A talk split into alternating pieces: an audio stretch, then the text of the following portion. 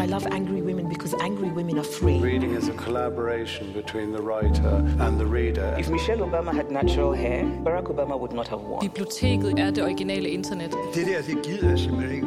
We need this Europe. And that's why we have libraries. Knowledge. Knowledge is power. Bidrager din virksomhed positivt til verden? Den reaktion, erhvervsleder Paul Polman ofte oplever hos virksomheder, er nervøse blikke og tyven for at svare korrekt, i stedet for rent konkret at tage stilling til selve spørgsmålet. Paul Polman er frontløber inden for bæredygtig forretningspraksis og medforfatter til bogen Net Positive How Courageous Company Thrive by Giving More Than They Take. Budskabet i bogen det er ret klart. Virksomheder de skal være mere modige, og i stedet for at opbruge alle jordens ressourcer, så skal de rent faktisk rette fokus mod den grønne omstilling og begynde at bidrage til den. Med i podcasten der har vi også Mette Morsing som samtalepartner, der blandt andet har erfaring med bæredygtig ledelse. Og du kan blandt andet glæde dig til at høre dem diskutere, hvordan vi skal vende os til at se bæredygtige virksomhedsstrategier som en investering frem for udfordring. Og som Paul Poulman så fint selv formulerer det, det her det er en bevægelse, vi alle sammen skal tage del i, i stedet for at øge vores egen produktion. Rigtig god fornøjelse. So can you just explain, you know, what does net positive actually mean? Indeed, we were very careful taking the title net positive because I didn't want to have a general title. I wanted to have a standard that people could aspire to. And we're very happy to see that there are net positive movements, that companies are starting to uh, put net uh, positive in their corporate uh, mantra. They move their strategies higher.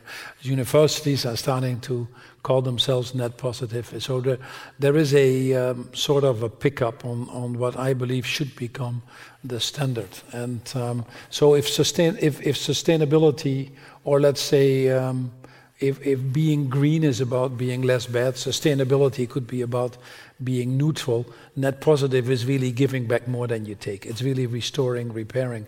So a net positive company that would be in food would actually restore the uh, biodiversity, would actually uh, bring the soil health back, would actually ensure that the farmers have decent income. So they create a system that would be net positive. There's no reason why it couldn't be net positive. Um, in, in, in carbon, for example, so absorbing more than you give, mm-hmm. or in water. Uh, you know, nature in its sheer uh, design is actually regenerative. Um, you plant an apple tree, you get a lot of apples, you get a lot of new trees, and you grow and you develop. Uh, we, we created this in our own lousy thinking a system of incredible waste. This um, take, make, waste, linear production model um, is really the result of an abundance of resources, of not having been really intellectually challenged. And um, so, what this book is trying to do is, is really get people into that mindset of how can I actually ask two very simple questions if you want to. Uh, how can I profit from solving the world's problems versus creating the world's problems? And I would argue that most companies are in the process of creating the world's problems. They might not be aware of it, but they certainly are part of that, uh, some more than others. And, um, and is the world better off because your company is in it, yes or no? I've posed that question to many CEOs, and the reactions are more being nervous and how do I answer that question than being aware of it. And that should be really on the top of mind of most people that are running running these companies. So, do you see some industries that are better or more advanced in reaching it positive than others right now? Well, so so I think the world has woken up to the challenges, but I don't think we have fully internalized it. Uh, the, the, human being has a problem that we are linear thinkers when we are dealing here with exponential problems. And we saw that with COVID, what that does. Here we are underestimating the magnitude of, of, of uh, what is coming at us. And, and climate change, obviously, being the most uh, burning issue, I would argue climate change biodiversity destruction is closely linked and inequality are the issues that we especially need to focus on.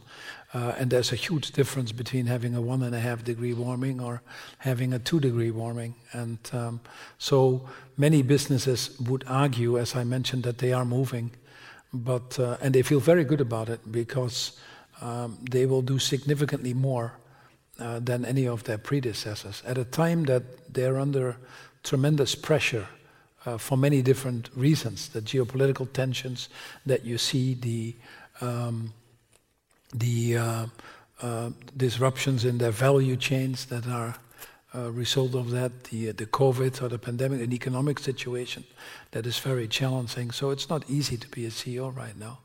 But the awareness still that uh, although they're doing a lot, the gap is actually getting bigger is probably not there by many.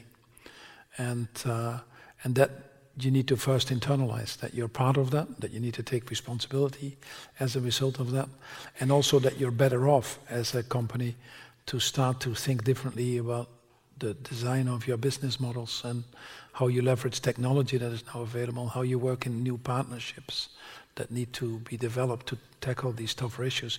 And that's what we're getting into in the book. And, you know, and it starts with ourselves. The book is as much a, a mindset change book, uh, which means a leadership change book as it is a, a practical how you go about it if you run a company.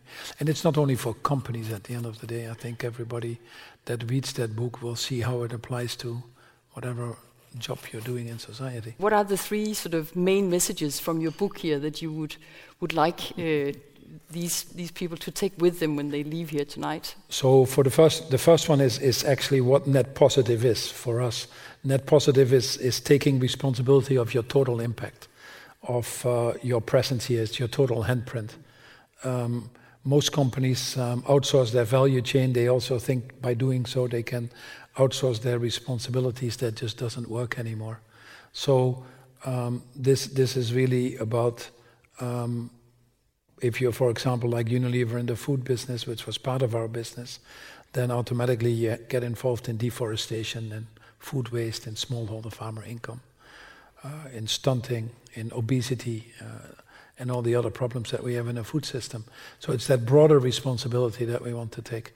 The second message in this book is actually one about uh, the enormous opportunity that is there. We are really at the point right now, sadly to some extent, but certainly helpful for driving change, that the cost of not changing, people are starting to realize that that cost of not changing is actually higher than the cost of changing. So it actually becomes an enormous economic opportunity. Uh, Deloitte estimated not long ago that if we don't do anything on climate change and stay on business as usual, which is doing everything we do today is what is business as usual. Mm. So all that has been agreed and that you see. We would incur, uh, we would be uh, on a trajectory of about 2.7 degree warming by 2050, um, which we certainly can't afford. And we would incur about 178 trillion dollars more of economic cost. Were we to rise to the challenge and stay uh, around the one and a half degrees, which by all means is possible. The International Energy Agency two weeks ago eloquently showed that. In fact, Denmark is to some extent on that path. There are eight countries that are actually investing at that level now globally. It's by all means possible. Um, we would have an economic benefit of $43 trillion. So, my second message is it's an enormous economic opportunity for companies that understand that. And, and my third message is really at the end of the day, it's about leadership. We have the technologies, we have the funds, we have the, um, the knowledge of, of, what needs to happen actually if you take, uh, talk to people. But we just need that willpower. It's not a, the, the, constraint is ourselves now more than anything else. Many people have talked about the crisis of climate change or in, in, inequality, uh, food security, but it is a crisis of greed, of apathy, of selfishness. And uh, so it's, that's why I'm saying it's as much a leadership book on how can we rise to that challenge, you know. Wangari Maathai, who was a Nobel Prize winner from Kenya and an admirable uh, woman, uh, she said it very well when she said that uh, there comes a time in the in the uh, in the history of humanity that man is asked to rise to a higher challenge, a higher level of consciousness, a higher level of moral ground, if you want to, and that's definitely I think that time has arrived. So that book is trying to address the uh, the responsibility you need to take, the enormous opportunities that are in there, and the type of courageous leadership that needs to be developed. And I like courageous because it comes from the Latin word cor or the French word cœur, and as everybody knows, that's the heart. Uh, I believe it's time to bring humanity back to business, and we've just lost that in the rat race of Milton Friedman's shareholder primacy. Obviously, when if you take yourself 50 years back, the financial market was totally different than it is today, much more active ownership. Now it's a very passive financial market. It's few steps removed. It doesn't have legal li- liabilities either yet, requires a lot in a sense.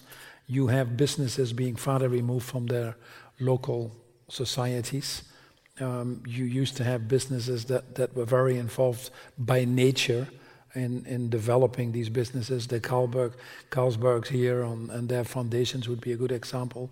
Legos are them foundations. The way that the Rowntrees in the UK or the, uni- the Lord Levers were running their businesses was very much a sense of um, shared prosperity. So that got obviously derailed with our myopic focus on shareholder primacy that didn't help. And, um, and governments were functioning. So the reality is we can all sit here and say, is this the role of business? No, it's not. I, I wish it wouldn't have to be. But it's very clear that business cannot succeed in this failing society, and the issues are piling up quite, uh, quite rapidly. And increasingly, business is being uh, held accountable, if we like it or not, for these negative externalities. And uh, you know, if you would just take the mass, very rational, not emotionally, but if you take the national, uh, all the publicly traded companies, uh, over half of them would have their profits wiped out if you charge them $190 per ton of a price for carbon. Mm-hmm. So, and, and, we're going to charge them. It has to happen scientifically and for our own survival. That train has left the station. So increasingly, these externalities are coming into a balance sheet, and business would be well served that uh, to to to not only mitigate but to anticipate and and actually lead that process at a time when governments are not able to do that. Yeah, and, and as you say, I can also see that in science happening. The value, the, the attempts to sort of value the the uh, risk of the environment, the risk of uh, human rights not being uh, taken care of, etc. But there is no exact exact number, so yeah. It's very experimental Yeah, there's a few things that have changed since I, when I started 15 years ago, people thought I was crazy and um, didn't quite follow it because perhaps the market wasn't ready for that, but that's with any new idea that needs to come. But now we have quite a lot of data. We can show that a gender balanced organization performs better or a gender balanced board is, a, is, a, is links to stronger results. We can we can show that companies that uh, more aggressively tackle the issues of climate change, even within a group of companies that tackles it, are actually getting reflected in, in market value. We can actually show now that the two and a half thousand companies that proactively has, have left Russia and um, and taken a hit to their top and bottom line mm. versus the companies that stayed. That group as a total got rewarded by the financial market. They've outperformed. We can show that ESG funds now at least perform equal, I would argue, increasingly better over a longer period of time. So that data is becoming increasingly available that gives people confidence that, you know, this might be a, an idea that this is a value creation opportunity. So the interest of the shareholders and the multiple stakeholders are increasingly more aligned than people think. And obviously, there are some trends that are causing that technology. Now versus 15 years ago, technology has gone exponential. If you look at the cost of solar and wind, I mean, Denmark is well on track to have 41% of your green energy coming from that and, and is actually investing at a rate in line with what is needed to stay with the one and a half degrees. But these costs have come down 70, 80%. 80% of the countries in the world now have cheaper solar and, and wind than than uh, fossil fuel. So technology is uh, is is key. Um, the other thing is legislation. It's coming in very fast. Either was positive reinforcements, which obviously business likes, like the IRA, the Inflation Reduction Act in the U.S., the European Green Deal, uh, the Corporate Sustainability Reporting Directives, or the Sustainable Standard Boards. Wherever you look at, um, you're really getting legislation that forces businesses to move. Um, and, and I think the signals from the marketplace are uh, getting significantly stronger, not least um, in terms of which markets are growing faster. You see uh, a market value of uh, Elon Musk uh, really transforming a car industry that was very reticent to make the change. So, but it was driven by the value creation, the signal from the market. and, uh, and, and we're close to a tipping point. 19% of the car sales at the end of this year is electric vehicles. I would argue that's close to a tipping point. Uh, combined with cities uh, like you're saying, t- uh, or this morning I was reading Stockholm by 2025, all the combustion engines are out of Stockholm. Um, it's, go- it's all 2030, 2035, which most of them have made commitments, is around the corner. So we're seeing that, and, and the main change is coming from the younger generations. There's definitely a difference between the millennials and the baby boomers, millennials, and now the Gen Zs or Gen Ys. And, uh, you know, they really don't want to work for companies anymore that don't behave like responsible citizens. And that's probably the biggest factor Yes. of, change that, that we're seeing right now. No, willing even to walk out. Yes. Unheard of. but that's a very it's very positive message because I have to say uh, there are a lot of dire messages out there, as, as as we all know. And just three weeks ago, in uh, in an academic uh, article, you know, Science Advance, we can see that six of the nine planetary boundaries have now reached. Correct. There is, so this is three weeks. This is the Rockstrom, Rockstrom uh, Yep. Resilience Center folks who are Yep. now, uh, you know, measuring these data.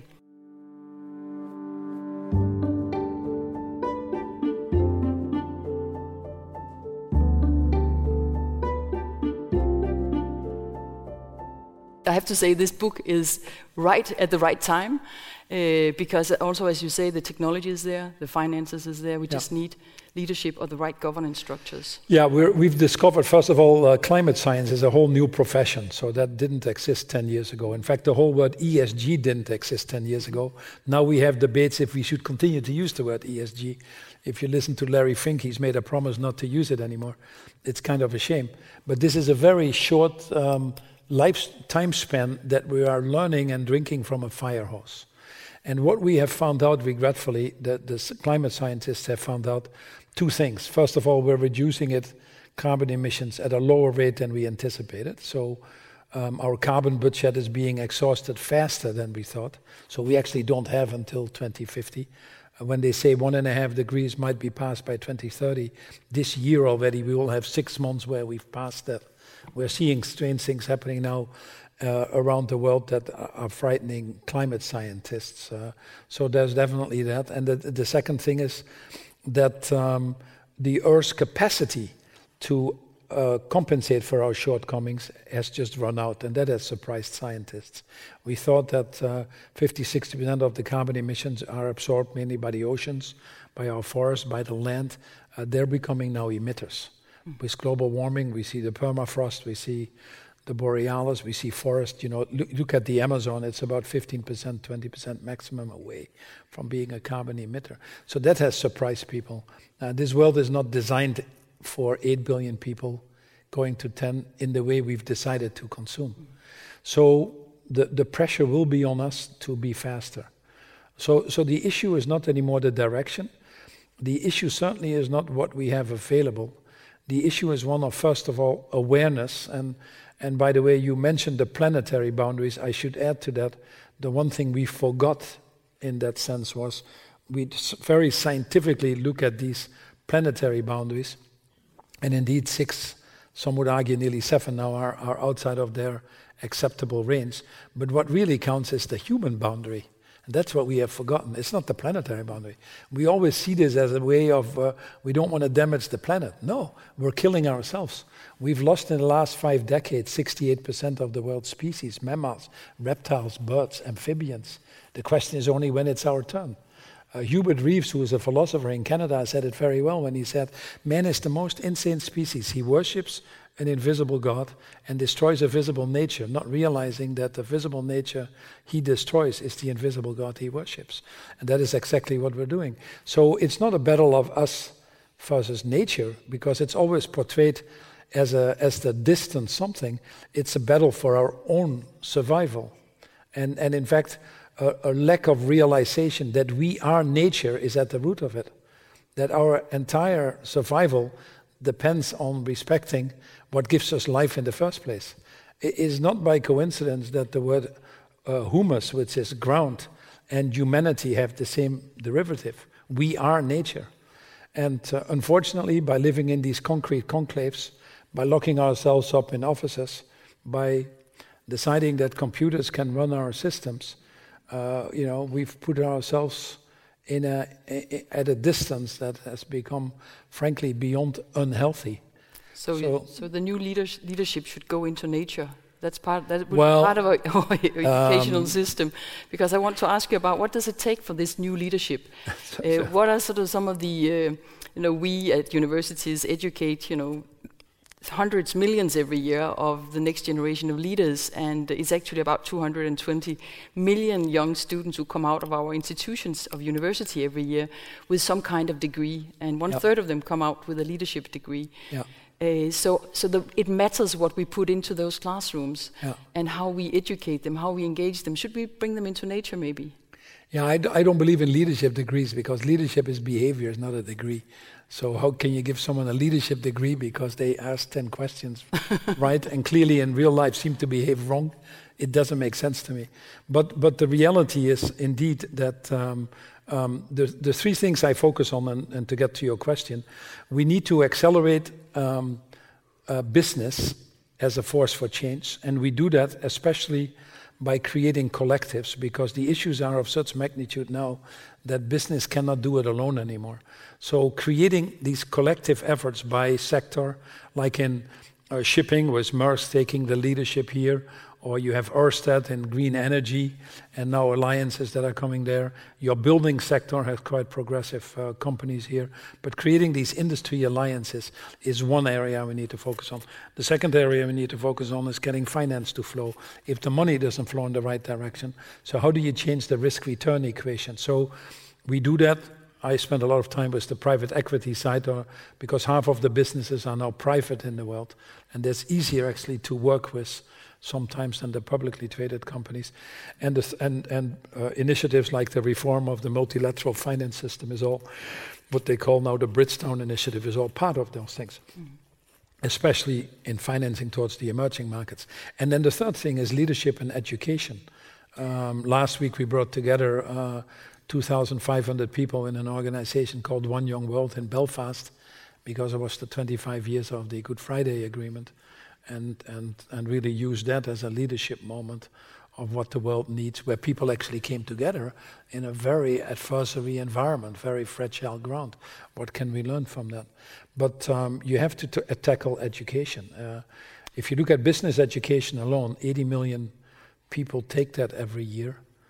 And um, I, I, talked the other day with uh, Judy Samuelson, who runs the uh, Aspen Institute, and she had quite a stunning statistic from some of the work they had done, where they had interviewed people going into business school and doing their MBA programs and asked a very simple question Why did you go to business school? And they said, I want to change the world, I want to make a difference, I, I want to have a purpose. And they interviewed the same people after they went to business school. And they said, I want to work for Goldman Sachs, I want to make a lot of money, and basically, you know, um, you know, screw the others if you talk French. So what we do is we, we create from wonderful human beings little Milton Friedmans on steroids, and we just have too many of them. have too many of them. Mm-hmm. So we need to change our education by bringing the, the human element back for sure, bringing humanity. If you look at the skills in COVID, for example, since COVID, where we discovered that you can't have infinite growth on a finite planet, where we discovered you can't have healthy people on an unhealthy planet, we saw two things quite, quite, quite striking. The first one was that companies that were running these longer term multi stakeholder models that put sustainability at the core thought longer term, embraced partnerships and all that. These, these companies actually were doing better than the ones myopically focused on the shareholders. In fact, they got those latter group of companies needed the bailouts of the governments. Fortunately, we worked with a lot of governments and said if you give them the bailouts, these were companies that had done a lot of share buybacks and special dividends and, and really not invested in their businesses in general, then make it conditional on, on staying in the, in the Paris agreements, which is what we did in Brussels. But you also found for the first time a clear bifurcation on leadership. You could clearly see that at a time where there's an enormous angst, an enormous anxiety, where mental issues are going up beyond belief at all levels of society, by the way, where 50% of the young people in surveys we do have decided they don't want children anymore. I mean, it, these are serious statistics that um, leaders that had a higher sense of humanity, humility, uh, compassion, empathy, that uh, embraced partnerships, thought multi generational, um, were purpose driven, that these leaders instill, instilled a higher level of uh, obviously followership. And the question is, do, is it something we can teach? You know, is it something we can teach at 100%. university? When I talk to a lot of business leaders who are actually, you know, doing uh, and changing their businesses and becoming more sustainable and truly themselves believe in it, you being one of them. For many of those business leaders, there is a personal story behind. Something happened at some point in their Sure. time, or maybe when they were children already. Do you have a personal story? Yeah, sure. So finishing the university, they're difficult institutions to change. You're now at Oxford, you know, we've been around for 700 years, you know. So what are you bothering me with now? Yes. And, um, and, and I have my tenure anyway, and academic freedom, I can study what I want. So I've listened to all the argu- arguments as chair of the Saïd Business School. But um, most of the universities still across the world put um, sustainability as a side course, usually an elective, instead of putting it like companies should be doing at the core of their education. So universities should be held much to much higher standard on impacts they create, and not just hide behind academic. Uh, we provide because anything they do is most likely not anymore that relevant because it's often based on on data from the past and the few, and it's just changing so fast. So they need to much create these much broader societal leaders, these cooperative business leaders, not competitive business leaders. I like not to make advertising for Oxford, but they have the Blavatnik School there, the Smith School, the Martin School, the Saïd School. It, it has a wonderful opportunity to create these um, tri-sector leaders that can work with civil society, can work with governments, because it's absolutely needed now, that have these better uh, human skills. So, by the way, uh, an educational system that also needs to be less uh, elitist, an educational system that needs to think about uh, lifetime learning, that needs to not provide these uh, entire courses, but have it much more peer to peer by the participants itself than, than having to listen to professors. So it is a radical um, change in education, uh, digitization being a part of that as a tool, but, but it's important. So, so uh, the leading schools in the world, which are probably 10, 15, are, are seeing that. Uh, and what you have done to, to your credit, which I'm, I'm very grateful for, is you've brought 865 universities together with the principles of responsible management education and as part of the UN Global Compact, which I chair for the Secretary General.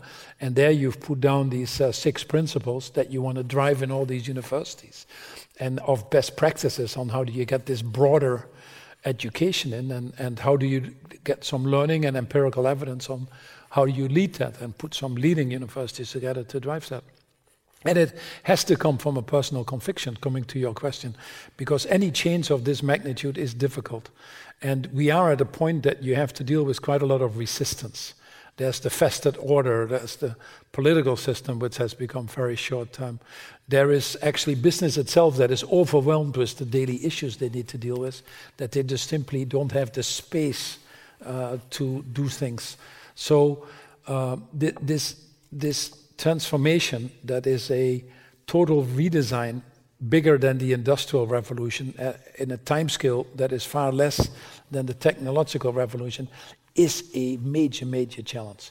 So if you don't have this strong sense of purpose or direction or this conviction that you're here for something bigger than yourself then i think it's very difficult on yourself to really be a major player in that, if you understand what I'm saying. I always say real leadership, eh, first of all, is, is being a, a, a, good human being. And unfortunately, too many of us are in the red race of being human doings. That's why we call it human resources. But, but we need to be a good human being. You know, who are you? What do you value? What's your character? What do you stand for? And, and secondly, the, a good leadership starts when you realize that by putting yourself to the service of others, you're actually better off yourself as well. And that's a very difficult thing for many to do.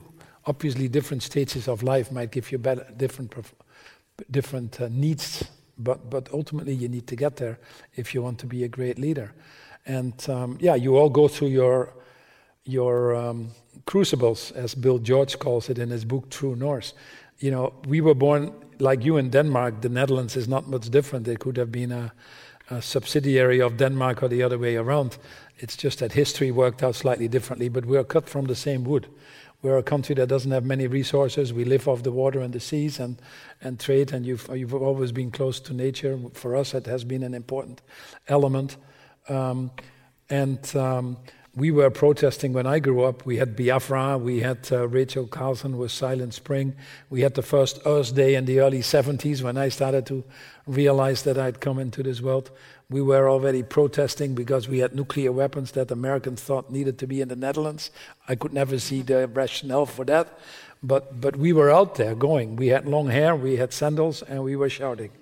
And um, you know, and then I, I was at uh, in 1992 at Earth Day. I was actually there.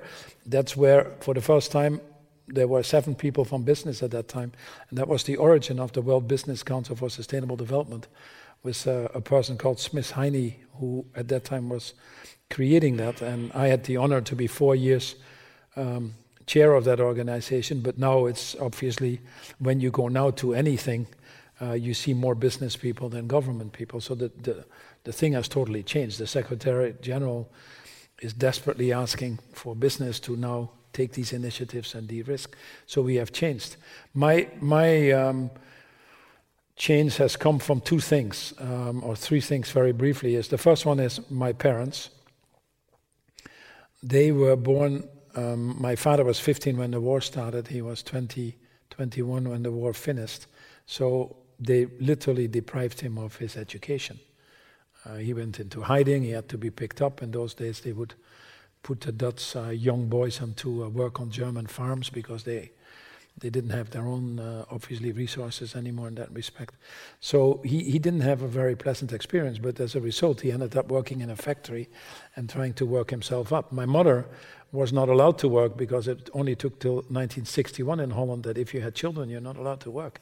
Or if you were married, you were not allowed to work as a woman, which is hard to understand now. And she was trained as a teacher, so thank God she made sure that we got our education. My father literally worked himself to death with two jobs because he wanted to give us a better life. We always had people from the community there. They, they were fighting for peace in Europe. So they were exhibiting a level of leadership that I grew up with. As a coincidence, they met in Boy Scouts and Girl Scouts. I've never understood, by the way, although it was totally separate in those days, that they met, but for some reason it was allowed for adults to meet, and, and, and here we are.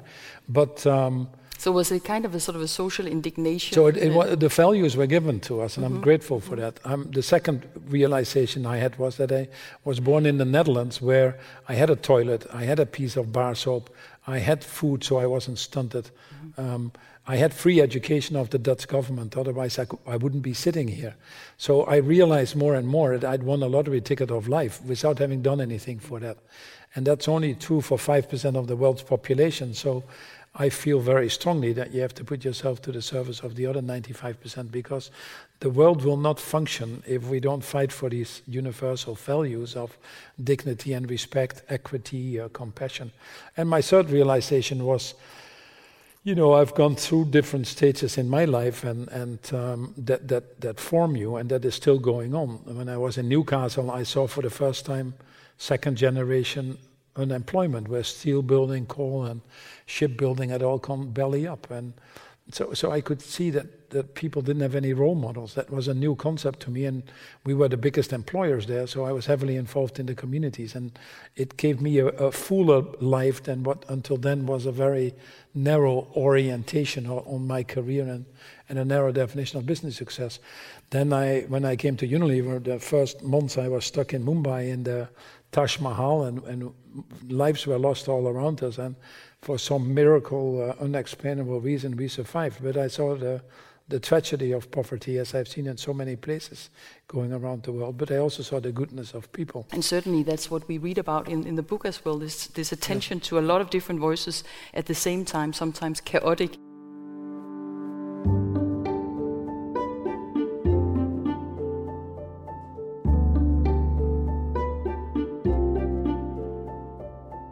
Looking at the COP28, for example, looking at UNGA, the week, the climate week in New York last month, what do you experience when you engage in UNGA, or what do you hope for the COP28? So the good thing is you need chaos to create something new. If you don't have chaos, it's very difficult.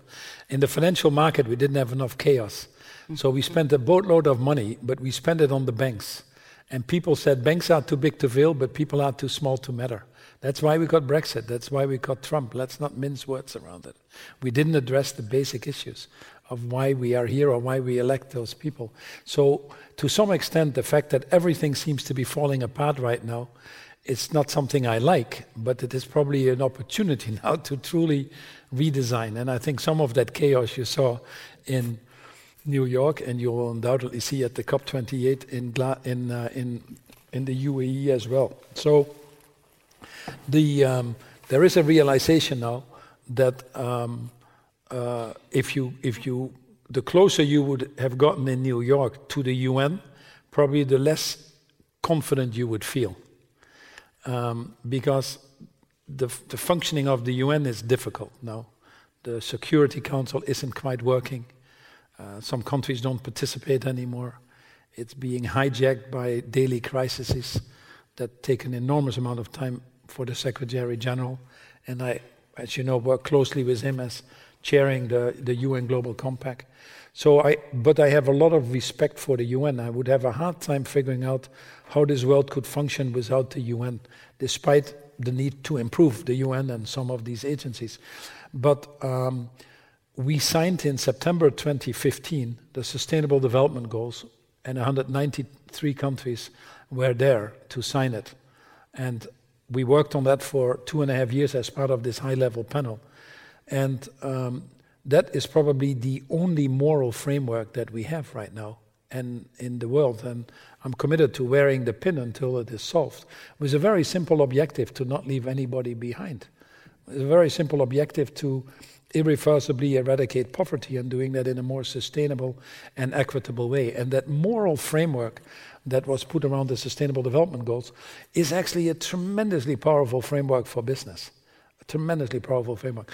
I created this commission for business and sustainable development because it's difficult for business to understand 17 goals, 169 targets. You know, any business person who can understand what business he's in, how much money he makes, and what the name of his wife is, is already getting a price, let alone 17 goals and 169 targets. But we, for the first time, started showing the enormous economic opportunity that was in these goals. At that time, $13 trillion, 380 million jobs. And that, that changed the mindset. We got over 2,000 businesses, and now it's significantly more integrating these. Uh, Sustainable Development Goals. So, what happened in New York now, this is a global stock take on the Sustainable Development Goals. That's why I'm explaining it. And only 13% of the goals are on track. And uh, 30% are actually regressing, and the rest is sort of hanging in there. And obviously, the wars that we see, the pandemic, have really pushed us back by five or 10 years. But that's a reason to work harder. There's not a reason to give up. Uh, giving up is not an option.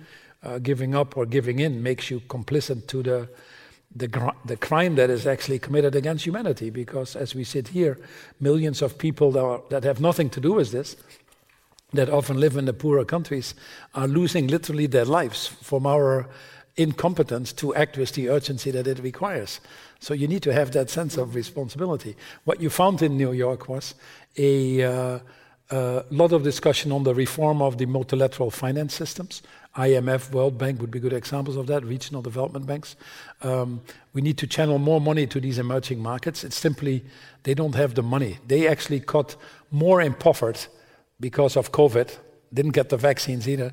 They got more impoverished by our monetary policies in this part of the world, which makes it very difficult for them. The debt is going up.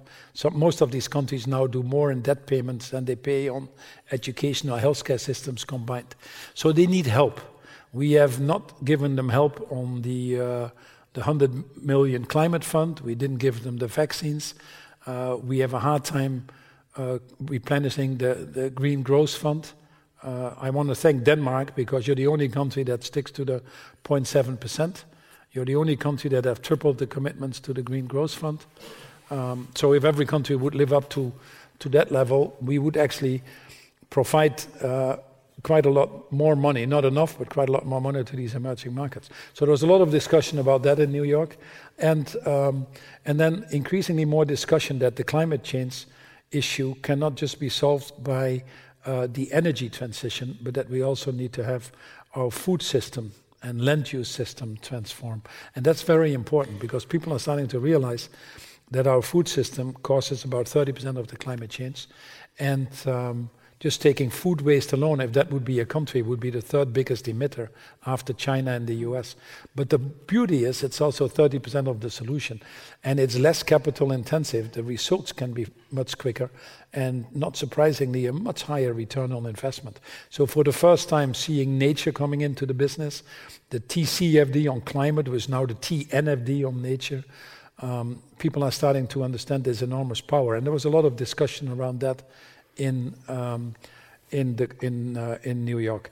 But overall, you know, a, a, difficult environment. And then we're going into the COP28, which is in early December in uh, the UAE, and there. It's run by an oil state. Uh, there will be probably more people from the uh, energy sector or fossil fuel sector there than all the other delegates combined. So people are worried about that. But at the same time, Al Jaber, who is in charge of it, uh, you know, he's giving the right signs and he's trying to be uh, be uh, try to get the maximum out of a very difficult situation. You have countries like Russia that refuse to do anything on climate change, or countries like Saudi that are frankly holding it back. And you know, and uh, whilst some countries have improved, uh, there are too many downforces. But the reality is, you need to look at not at a unanimous agreement from all of the countries in the COP, but you need to look at what is actually agreed by a critical mass of countries. Yeah, and, and so, so the yeah. critical mass of countries. So we talked about businesses as a driver. We talked about the leadership that's needed, and a little bit about uh, the international multilateral organizations. What about the policymakers? So right now you have 7.1 trillion dollars of per subsidies uh, driving fossil fuel uh, of which 1.3 trillion dollars direct subsidies to the fossil fuel industry. Doesn't make any sense. But often the politicians aren't even aware of it because it's so compartmentalized. So if you don't have the right policies in place, uh, most countries have a, a food and land use policy that drives deforestation. I have a farm in the UK. Farms are accepted from inheritance tax. Um, but if you have a forest, it's not considered to be a farm. So I have a forest. We're actually doing rewilding uh, and, and reforesting, but that that is not part of an inheritance uh, exclusion. So for farmers, you're much better off cutting your forest so you can give your farm to your next generation than actually regenerating. It's a typical example of a per first policy. So you need to work with the policyholders uh, and most of the issues that we now have, obviously, are global issues climate change, the pandemic, cybersecurity. Uh, they've become global uh, AI standards, they've become global issues. And what we would advocate is that instead of um, driving 95% of the discussions, which obviously the newspapers love, on driving the differences between us, spending more of our time working on these common grounds. And we're trying to do that now between China and the US on food security, for example. We still don't have a global emergency plan in place on pandemics. So we were in Singapore the other day, and I was chairing a session on, on global trade. I'm advising uh, Ngozi at the WTO. But um, you know, how could we make institutions like that work? And what we increasingly see is that it is in the benefit of business to have the private sector be present and and think about that individually might be difficult, but certainly collectively you can create um, people uh, or alliances that, that would have a, a, voice at the table, and it would be very welcomed right now. Mm-hmm. When I was uh, taking over the chairmanship of the uh, International Chambers of Commerce from uh, Marcus Wallenberg at that time, um, people said, "Why do you, the heck do you take uh, the chairmanship of the Chamber of Commerce?" Um, because they were basically climate deniers, to be honest, at that time, and uh, was basically free market type spirit. And I said that's exactly why I wanted to take the chairmanship because it needed to change. You look at the chamber now uh, under the capable leadership of John Denton. Uh, they were uh, probably the reason why we had the food uh, exports from the Ukraine And the Secretary General is certainly the first one that recognized that. They were the first ones who worked with Tedros in putting emergency systems in place on, on uh, when countries were debating how much money they would give or if they would give at all. The, the chamber was there. They, you know, the, in fact, the whole origins of the chamber is, is a philosophy of merchants of peace. Uh, now with the WTO and with the uh, UN, they have a permanent observer seat. So, so things have changed that people have realized if we really want to make these dramatic changes, it has to have the private sector. So the private sector needs to some extent, uh, the sustainable development goals need to some extent the private sector, but I would argue equally strongly that the private sector also needs these sustainable development goals. And the smart businesses understand that symbiosis, and they will position themselves better from a trust point of view, from an opportunities point of view, and, and, uh, and from positioning themselves in the future. The ones that continue to deny that, which there are some, I'm not naive, but I think they're increasingly heading to the graveyard of dinosaurs.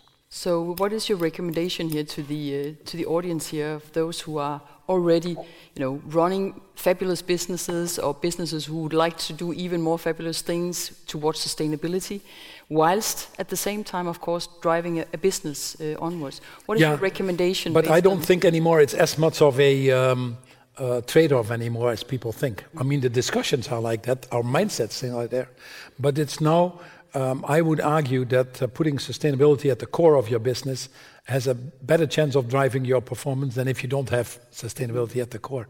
I would argue that if you have a real purpose, uh, that you have a better opportunity to achieve uh, profits than that there is any trade-off between purpose and profit. Obviously, you need to have smart people, but it, one now reinforces the other. So, what I would argue is uh, to the business community now, I would say really it's a tremendous business opportunity that you need to seize. And if there are bottlenecks, which I understand, I think companies alone can do about 30, 40%. But if you are able to work together in these broader partnerships, you can attack about 80% of the problems. And, and the other 20% you have some time for. We need, you know, hydrogen or other things need a little bit more time. But, but that would be quite a difference. And, and we know what to do. If, every, if the whole world would do what Denmark does, I know it's a little simplistic, we wouldn't be sitting here talking this in the first place. So we know how to build toilets, we know how to build houses, we know how to provide food in a sustainable way. So these are tremendous uh, opportunities that require um, now these broader partnerships. So my first message is really these broader partnerships. Uh, be part of those. Look at it in your industries. We did a study for every industry if every industry's value chain would convert to a sustainable value chain, it's 9 to 16% cheaper. So you have to see this as an investment, not as a cost. You have to see this as an opportunity, not as a risk mitigation. You have to see this as an, a, a, a, a, way to make impact, not just to drive your output. You have to see it as moving your business models from being compliant, which most are, to perhaps resilient, to becoming truly regenerative in your thinking that we talked about. And then the last message I would say is really be uh, consistent in all you do. It doesn't make any sense to make great climate commitments and then have your trade association lobby the other way. It doesn't make any sense to, uh, you know, have um, um, the money that is coming into politics versus undermining democracy uh, versus versus uh, you know what what what these systems are supposed to do. It doesn't make any sense to say, uh, I have sustainable sourcing, but then you don't have uh, uh, living wages or human rights violations in your value chain. So the tougher issues, it doesn't make any sense. A quarter of the Fortune 500 companies has not paid tax. So it doesn't make any sense to say I'm a sustainable company and then having 3,000 tax people like GE had on your payroll to try to be proud of never having paid tax. So this, this consistency, and I'm very strong about that, of thinking about what we call the elephants in the room in the book, but to be holistic is a very important thing. So see it as an enormous opportunity, work these enormous partnerships, and uh, approach this holistically. This is not anymore about scope one, two, and three, actually. That's already um, hygiene this is actually about what I call scope four, five, and six in the book. And for people that read it, it will become pretty uh, apparent. And for people that start to apply that in their businesses, uh, I think they will see a value unlock and an energy unlocked, by the way, that you need that is beyond what they have seen before. It was a very inspirational uh, lecture and talk you, you gave us here. Thank you very much for an amazing book, for an amazing lecture. You made my job very, very easy.